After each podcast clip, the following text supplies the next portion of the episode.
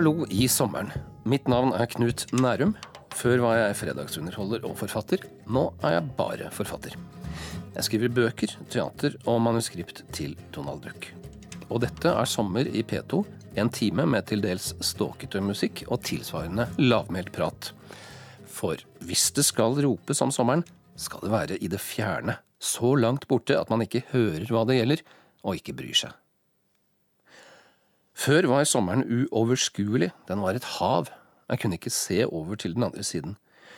Nå er det sånn at idet sommeren begynner, kan jeg allerede se slutten. Jeg kan se hele året ovenfra, som en Wimbledon-dommer ser banen fra sin høye stol. Sommeren er kort, og likevel går jeg til den som om den var endeløs. Denne sommeren skal jeg kjase mindre, tenker jeg. Jeg skal være på ett sted.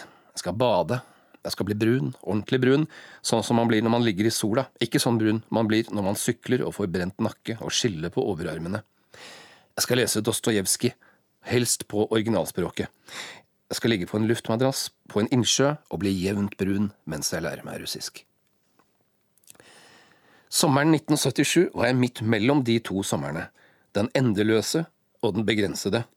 Det var den sommeren da jeg gikk på kino i mange land og drømte om berømmelse, og jeg var grinete og opptatt av penger.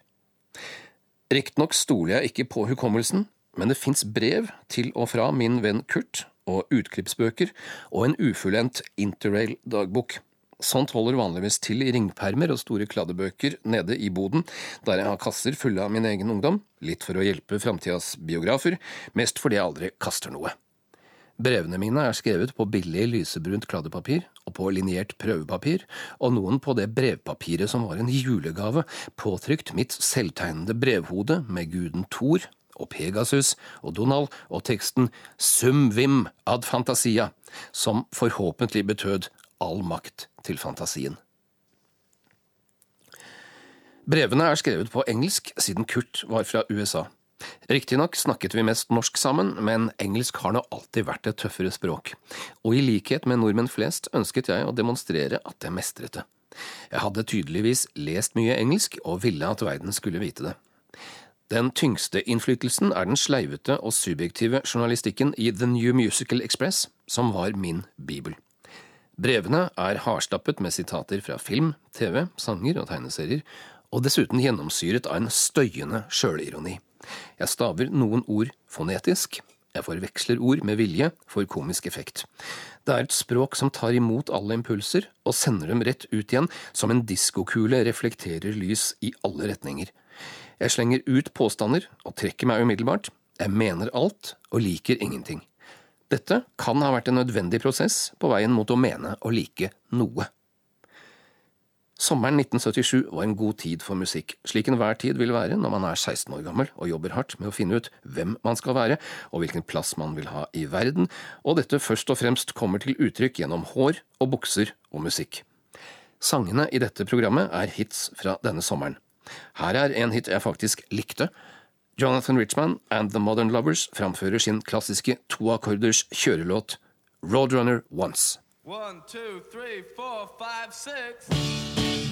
Road runner, road runner. Going faster miles an hour. Gonna drive past the stop and shop with the radio on.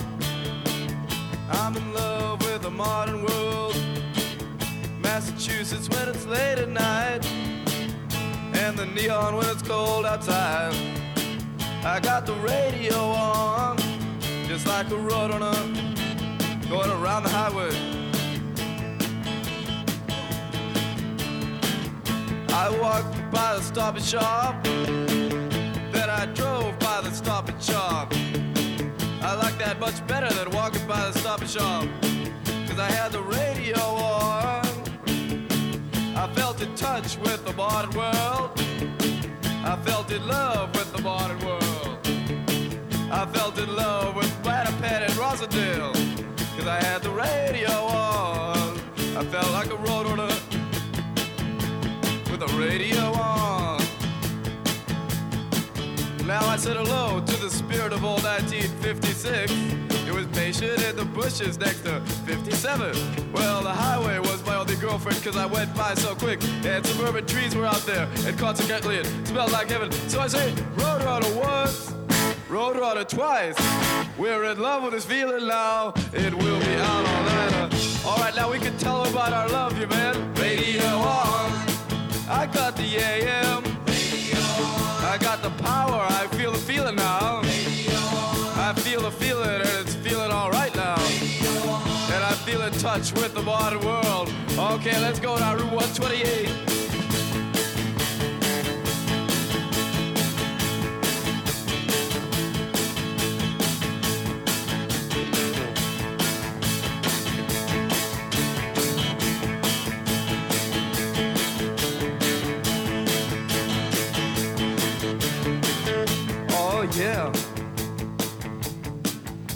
Can't you feel it out in Needham now?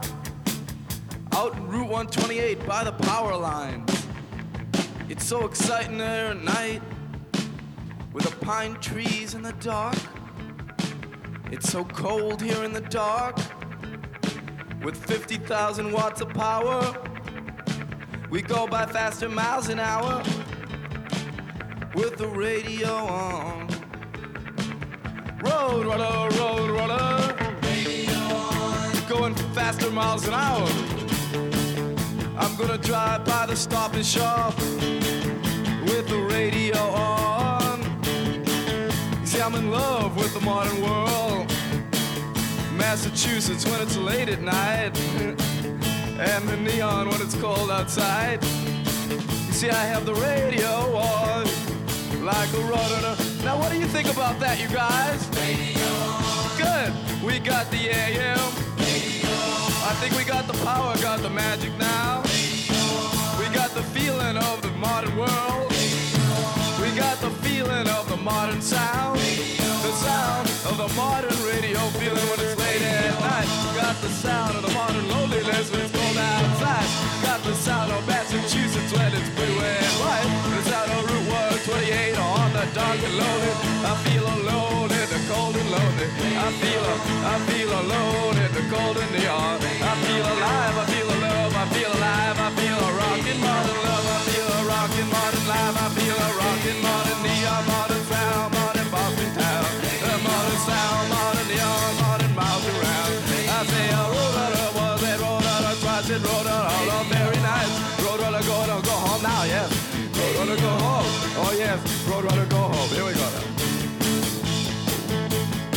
drive them home, you guys.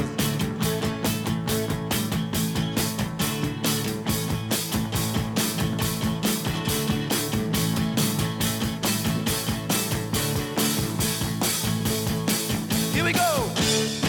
That's right. Again. Bye bye. Roadrunner Once var en genuin listelåt sommeren 1977. Ikke i Norge, hvor kassegitarkvoten var fylt opp av Dr. Hook og Smokey, men i England, der Kurt og jeg var innom denne sommeren. Året da punken løsna og det ble lov å lage sanger med bare to akkorder. Vi var ikke punkere, bare nysgjerrige forbipasserende som likte gjør det selv-aspektet. Ikke fordi det var nytt, men fordi det var velkjent. Sammen med Carl Ludvig og et par til lagde vi tegneserier og fanziner og musikk. I likhet med punkerne brydde vi oss ikke om om det vi lagde var glatt nok, og i motsetning til dem holdt vi på med vårt uten at noen brydde seg. Bladene våre ble laget under et selvpåført, men strengt deadline-regime, i ett eksemplar, stiftet i margen og sirkulert blant folk vi kjente. Bandet vårt hadde ingen instrumenter, og hadde holdt konsert i mai i stua til min daværende stefar, for dette var den gangen mangel på ferdigheter og utstyr ikke var noe hinder for å gjøre det man hadde lyst til. Publikum satt i en sofa og var færre enn oss. Brevene mine denne våren er fulle av klager over at jeg har for mye å tegne, og forslag til hvordan vi kan begynne å trykke ting i flere eksemplarer og selge dem for penger. Jeg er opptatt med å fullføre andre nummer av tegneseriebladet Classroom, som opererte i hybridsjangeren high school-melodrama, apokalyptisk science fiction, og som i tillegg var tidlig virkelighetslitteratur. Kurt ble kalt inn til samtale hos rektor på Porsnes videregående i Halden for å ha brukt sine navngitte klassekamerater i historier om narkotika og knivdrap og uønskede svangerskap og bortføring med romskip. Han slapp unna med en advarsel.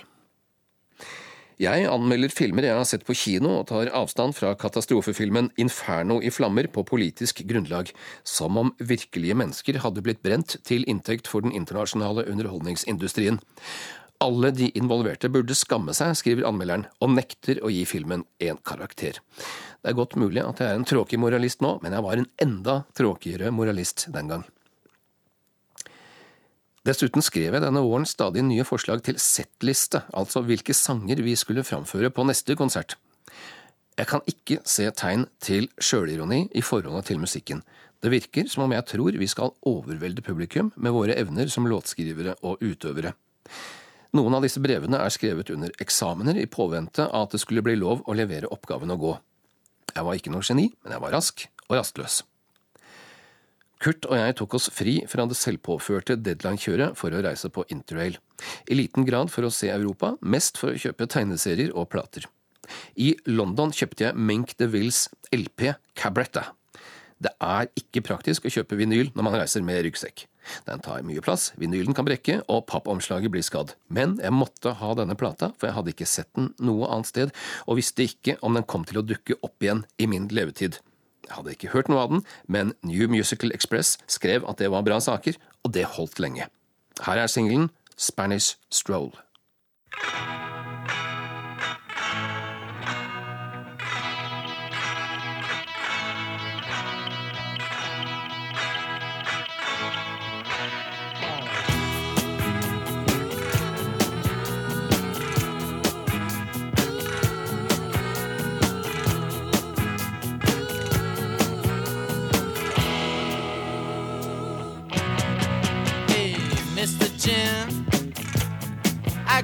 The shape you're in.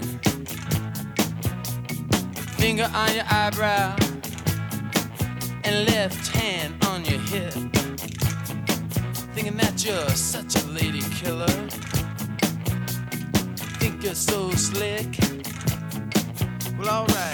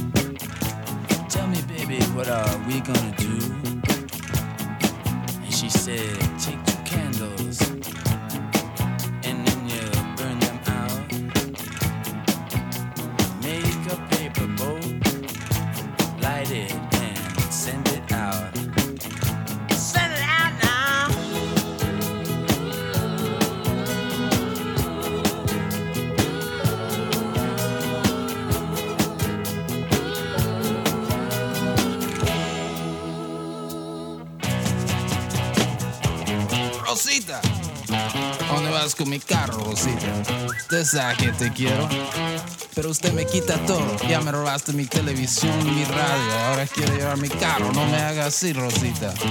Ven aquí. Eh, usted qué salado, Rosita. Oh.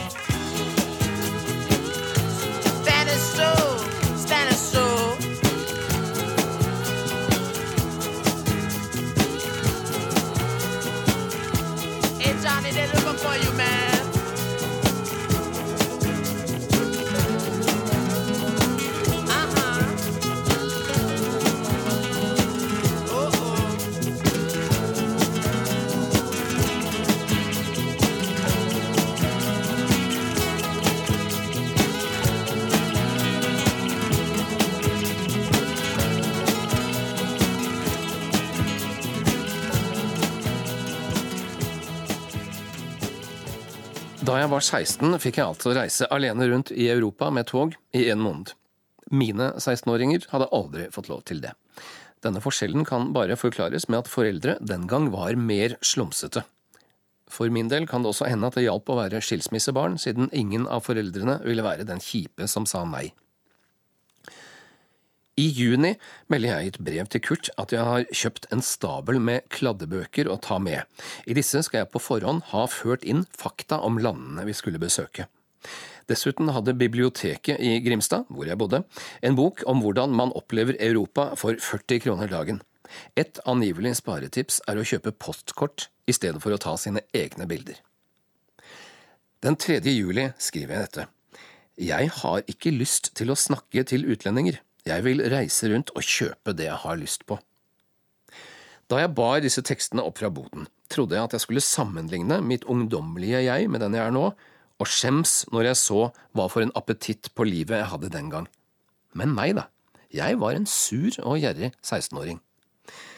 Hamburg var, ifølge meg, den kjedeligste plassen jeg noensinne hadde vært i, og jeg var altså oppvokst i Halden. Så kommer dette om Paris.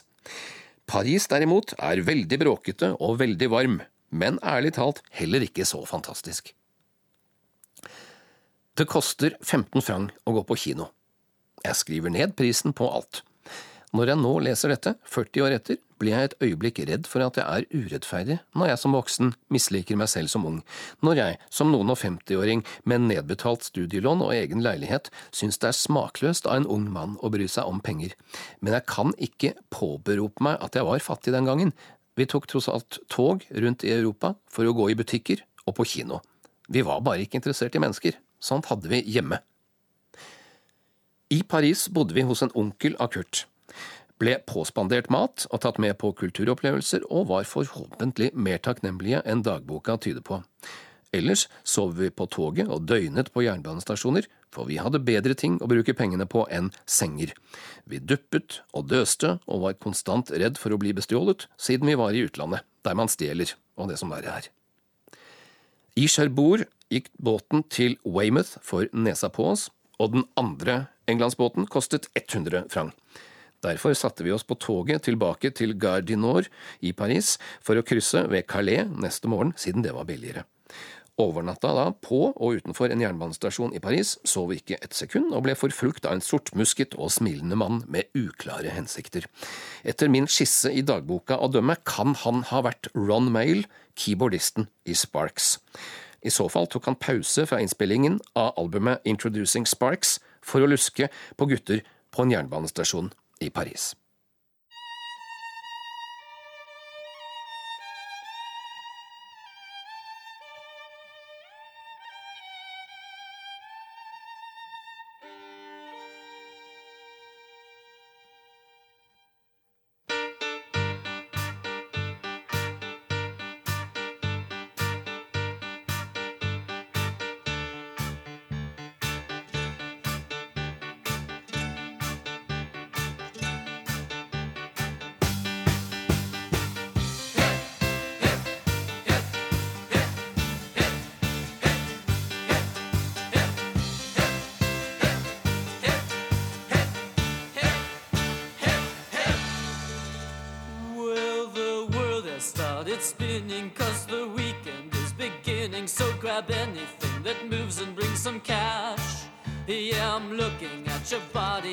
Think I need your body. Yeah, the whole entire body, bring it here.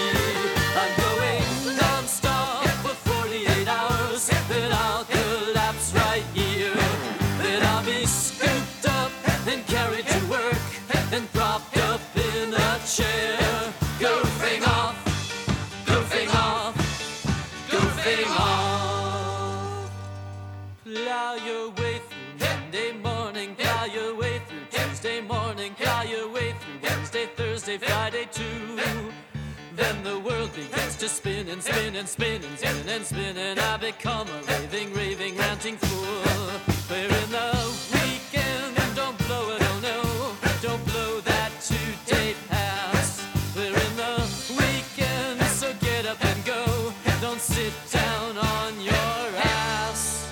Goofing off,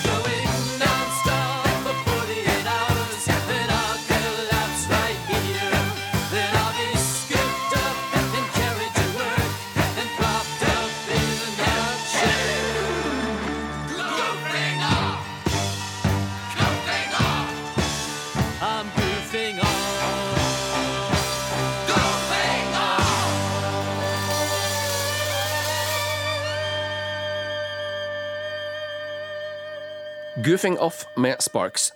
Riktignok ikke en hit sommeren 1977, så det var unntaket. For eventuelt etteranmeldte lyttere, dette er Sommer i P2, og jeg er Knut Nærum. Etter at jeg flytta fra Halden før 9. klasse, hadde Kurt og jeg sittet to år på hvert vårt sted og laget tegneserieblader sammen. Vi sendte ideer og manus og ferdig tegnede sider til hverandre i halvkilotunge konvolutter. Seriene var på engelsk og handlet for det meste om superhelter. Vi hadde tatt for oss de etablerte heltene og forbedret dem. For eksempel hadde vår edderkopphelt, Night Spider, to par armer og var dermed enda mer edderkopp enn Spiderman. The Incredibles var vår utgave av The Avengers, superheltgruppa. Vårt ensemble hadde bare navnet felles med superfamilien i Pixar-filmen, den som heter De utrolige på norsk, og fortsatt var et par tiår unna å ha premiere. Det av medlemmene i vår gruppe jeg husker best, var Puppet Bomb. Han hadde et kule rundt hodet som han kunne ta av seg og kaste på sine motstandere, og da ville det eksplodere og sette bankranere og superskurker ut av spill. Hodet kunne, på en vitenskapelig forklarlig måte, deretter sette seg sammen igjen og finne tilbake til plassen sin på Puppet Bombs hals. Han var en slags selvmordsbomber på lavt nivå, men i det godes tjeneste. Dessuten hadde han ingen bein og var dermed pent nødt til å fly. Klassisk materiale. Kurts søster i New York hadde sendt en kopi av vårt felles verk Night Spider nummer tre til Marvel Comics, det største og stiligste tegneserieforlaget i Amerika, og vi gikk og ventet på at de ville tilby oss begge fast ansettelse. Da det hadde gått halvannet år uten at vi hørte noe, begynte håpet å blekne, men helt borte ble det ikke før vi fikk beskjed, via søstera, med takk for innsendt bidrag, men at det dessverre ikke var helt det de så etter. Det hadde gått helt greit å vente, ikke fordi vi egentlig manglet forhåpninger, men fordi det var 70-tallet og ting tok tid, og det fantes ikke så mye greier. Så jeg kjøpte plater som jeg bare hadde lest om, for det fantes ikke så mange steder å høre dem.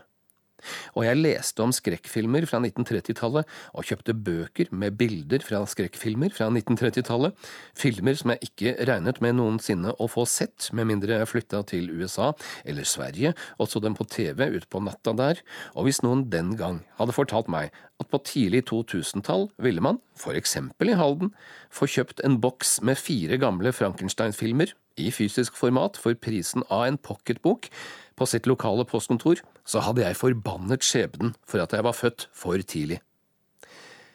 Det den førte til, denne mangelen, var at vi ble gode til å vente. Og vi førte lister over ting vi håpet å oppleve, eller kjøpe til samlingen en vakker dag om vi kanskje kom oss til utlandet. Apropos kjipe folk og deres eiendeler.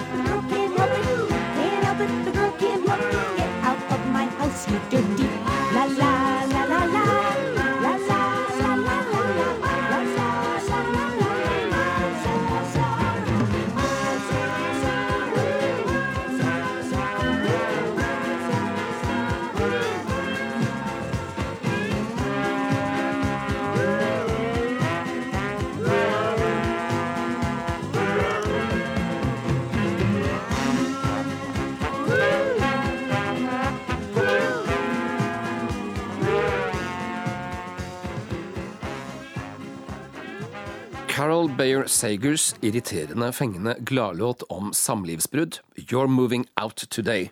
Så lystig at man får lyst til å separeres oftere. Egentlig mer Kurts låt enn min.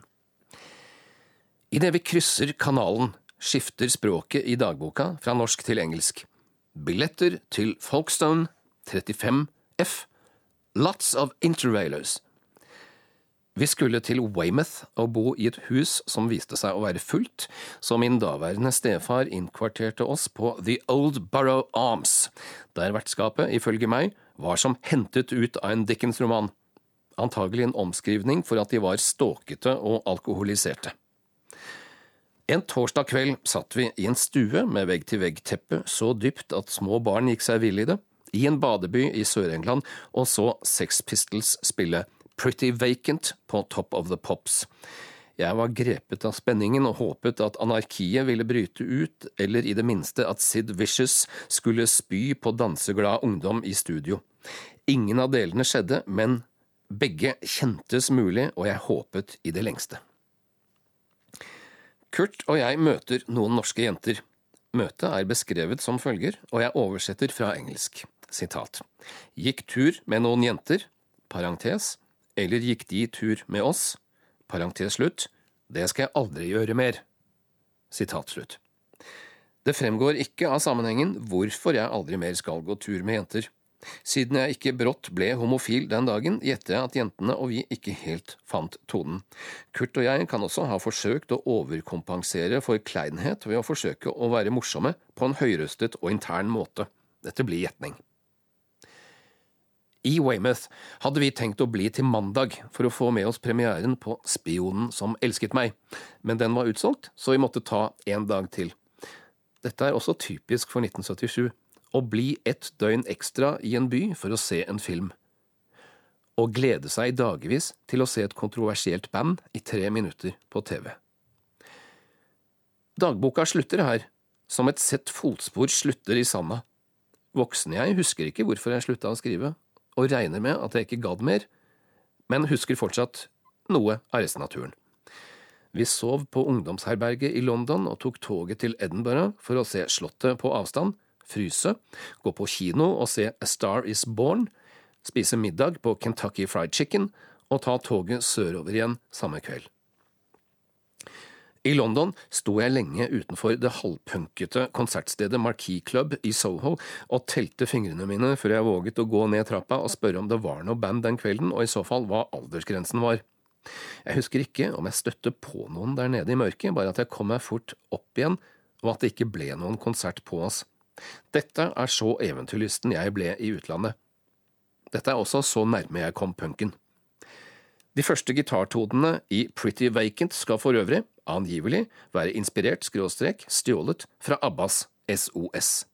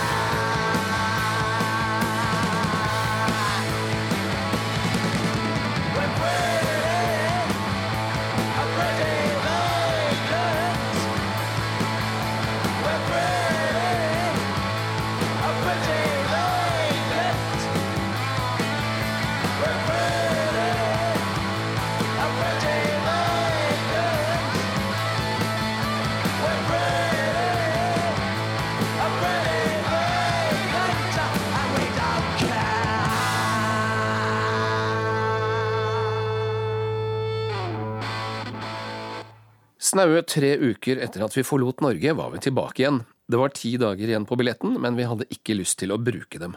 Det var slutt på pengene. Vi, og da særlig jeg, hadde handlet bøker og tegneserier og plater, ryggsekken var tung som et skap, den var full av trykksaker nederst og vinyl øverst. Det fantes ikke noe mer i Europa som jeg ville se. Ingenting der ute jeg var så nysgjerrig på at jeg ikke heller ville hjem og høre på platene og lese bøkene og tegneseriene. Riktignok er sommeren ei tid for venting, men det får være måte på. Samtidig var det flaut å ikke klare tre uker i utlandet. Dette var ikke noe jeg fortalte uoppfordret. Allerede den gang var det et ideal å ha appetitt på verden og ville reise mest mulig og fylle sitt sinn med opplevelser og inntrykk. I ettertid har jeg slått meg til ro med at jeg liker kortreiste opplevelser. Hvis man absolutt skal samle inntrykk fra nye og spennende steder, kommer man seg fortere dit ved å åpne en bok enn ved å sette seg på flytoget. Drømmen om sommeren er den samme hvert år. Den handler, stort sett, om en hengekøye og en bok og et glass saft med sugerør, og på sitt mest dramatiske handler den om å sykle under trær, langs en eng og høre insektene summe en sen ettermiddag idet trestammene er i ferd med å bli gylne. Det er aldri en drøm som handler om å overnatte på en jernbanestasjon eller å gå i butikker. På vei hjem stanset vi i Hamburg for å kjøpe en aubergine. Kurt hadde hatt dette i sinne hele veien, og han aktet ikke å komme aubergineløs hjem. Det kan virke pussig å ta med seg en middels sjelden grønnsak fra Tyskland til Norge, men den gangen fikk man ikke tak i auberginer i Norge. De nordmenn som fikk for seg å lage moussaka, måtte like raskt slå det fra seg igjen. Auberginen var for matvarene det samme som Mink de Ville var for musikk. I 1977 var underskuddet på greier et generelt underskudd. Mens jeg vokste opp, visste jeg at mange av de bra sakene ikke var tilgjengelig der jeg var, men det er først i ettertid jeg kan bli eksakt. Den gang ante jeg ikke at jeg levde i et samfunn uten Mosaka. I august begynner jeg i andre klasse på videregående, og det tar noen uker før jeg begynner å skrive brev igjen. I september lister jeg opp sju bra ting ved turen. En av dem er å komme hjem. Men heldigvis. Et annet punkt er den kvelden på byen i Paris, et tredje er de hvite klippene ved Dover, sett fra kanalferja. Tenk på alle de sjømennene som kom hjem, skriver jeg, på et overstadig engelsk. Tenk på hvilke følelser som må ha vellet opp i dem ved dette synet. Innimellom har jeg altså løftet blikket nok til å se hvor jeg var, og en sjelden gang dessuten tenkt på hvordan andre mennesker kan ha hatt det.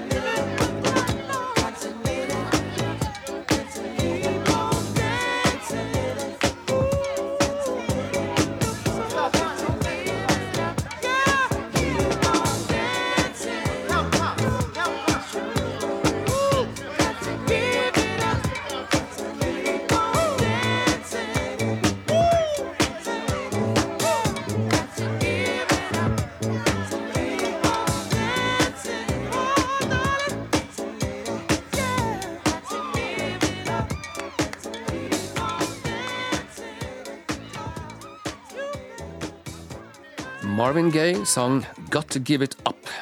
Du hører fortsatt på Sommer i P2, og jeg heter fortsatt Knut Nærum. Vi var The Bogus Band. Carl Ludvig spilte gitar. Kurt spilte på et trommesett bestående av to tomme pappesker og to sofabein vi hadde skrudd ut. Jeg hadde gitt opp spilletimene før jeg kom til Til Elise, og spilte derfor selvfølgelig piano. Den 16. mai 1977 hadde vi holdt konsert for et publikum på én. Dette må ha sporet oss an, for den høsten skriver jeg stadig nye sanger. Det tekstlige innholdet spenner fra det tøysete til det punka, med titler som Do the Bogus, Toget til Fredrikstad, Rødvin og ost, Låst inne i skapet og I Feel Bad. I løpet av sommeren 1978 holdt vi en ny konsert i den samme stua. Denne gangen kom det tre mennesker, og alt gikk i oppløsning.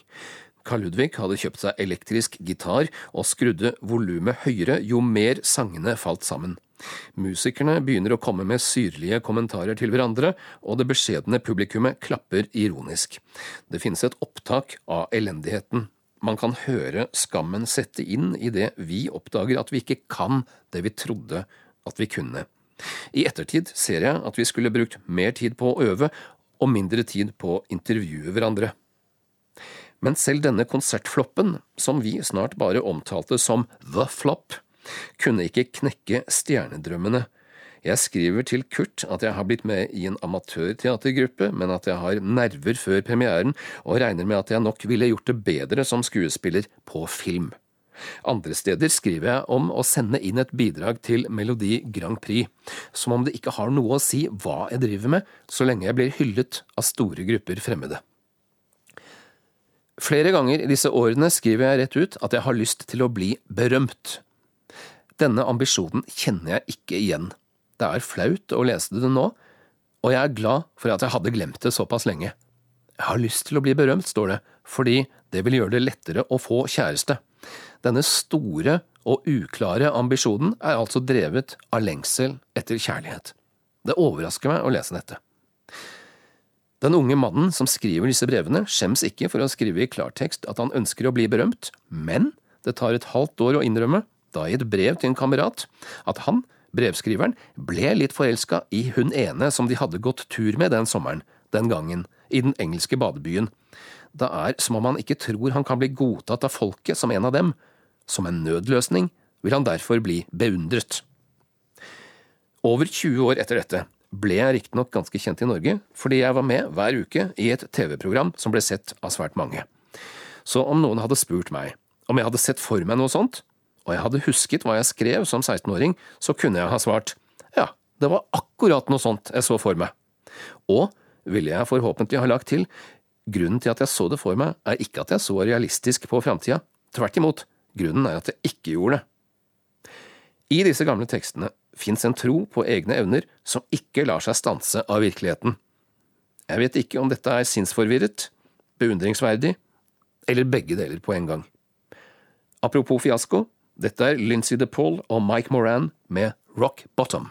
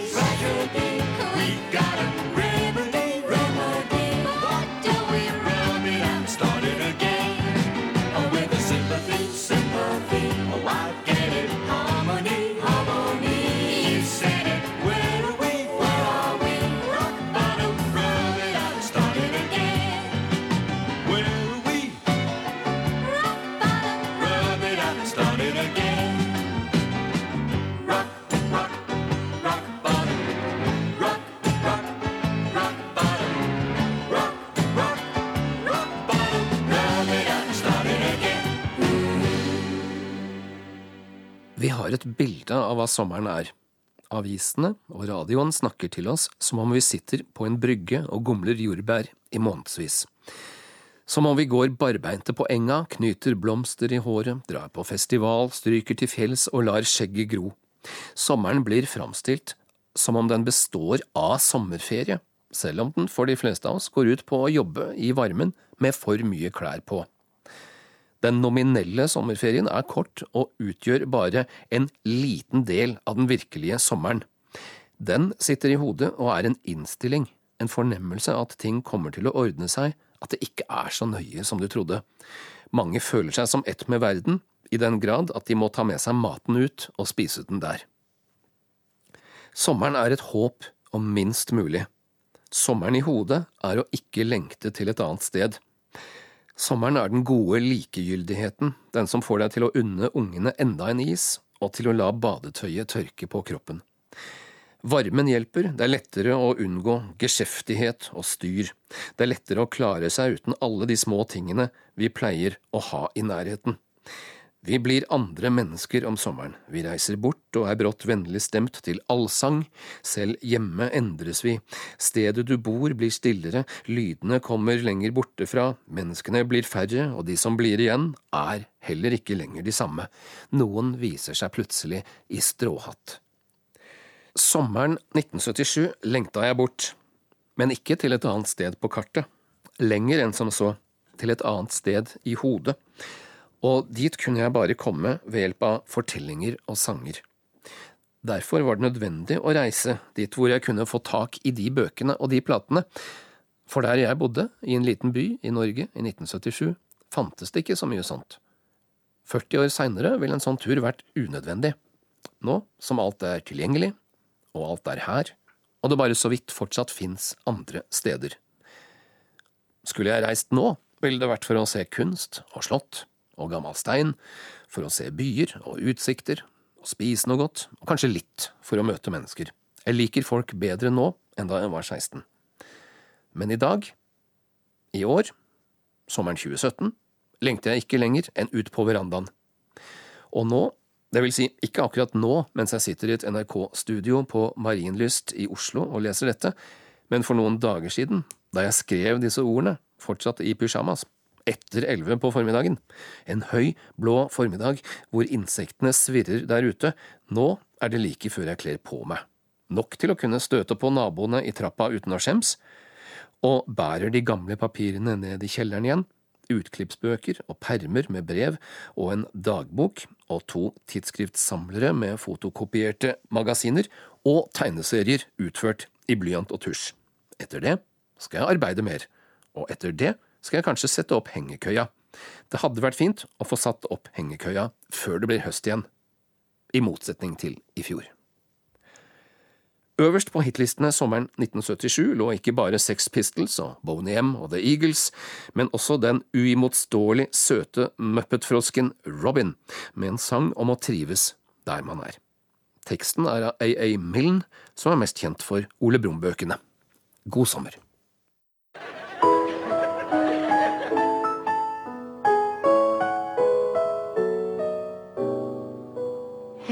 Halfway down the stairs is a stair where I sit. There isn't any other stair quite like it. I'm not at the bottom, I'm not at the top. So this is the stair where I always stop.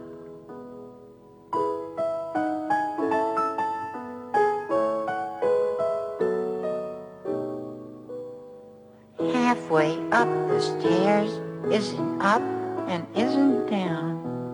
It isn't in the nursery, it isn't in the town. And all sorts of funny thoughts run round my head. It isn't really anywhere, it's somewhere else instead.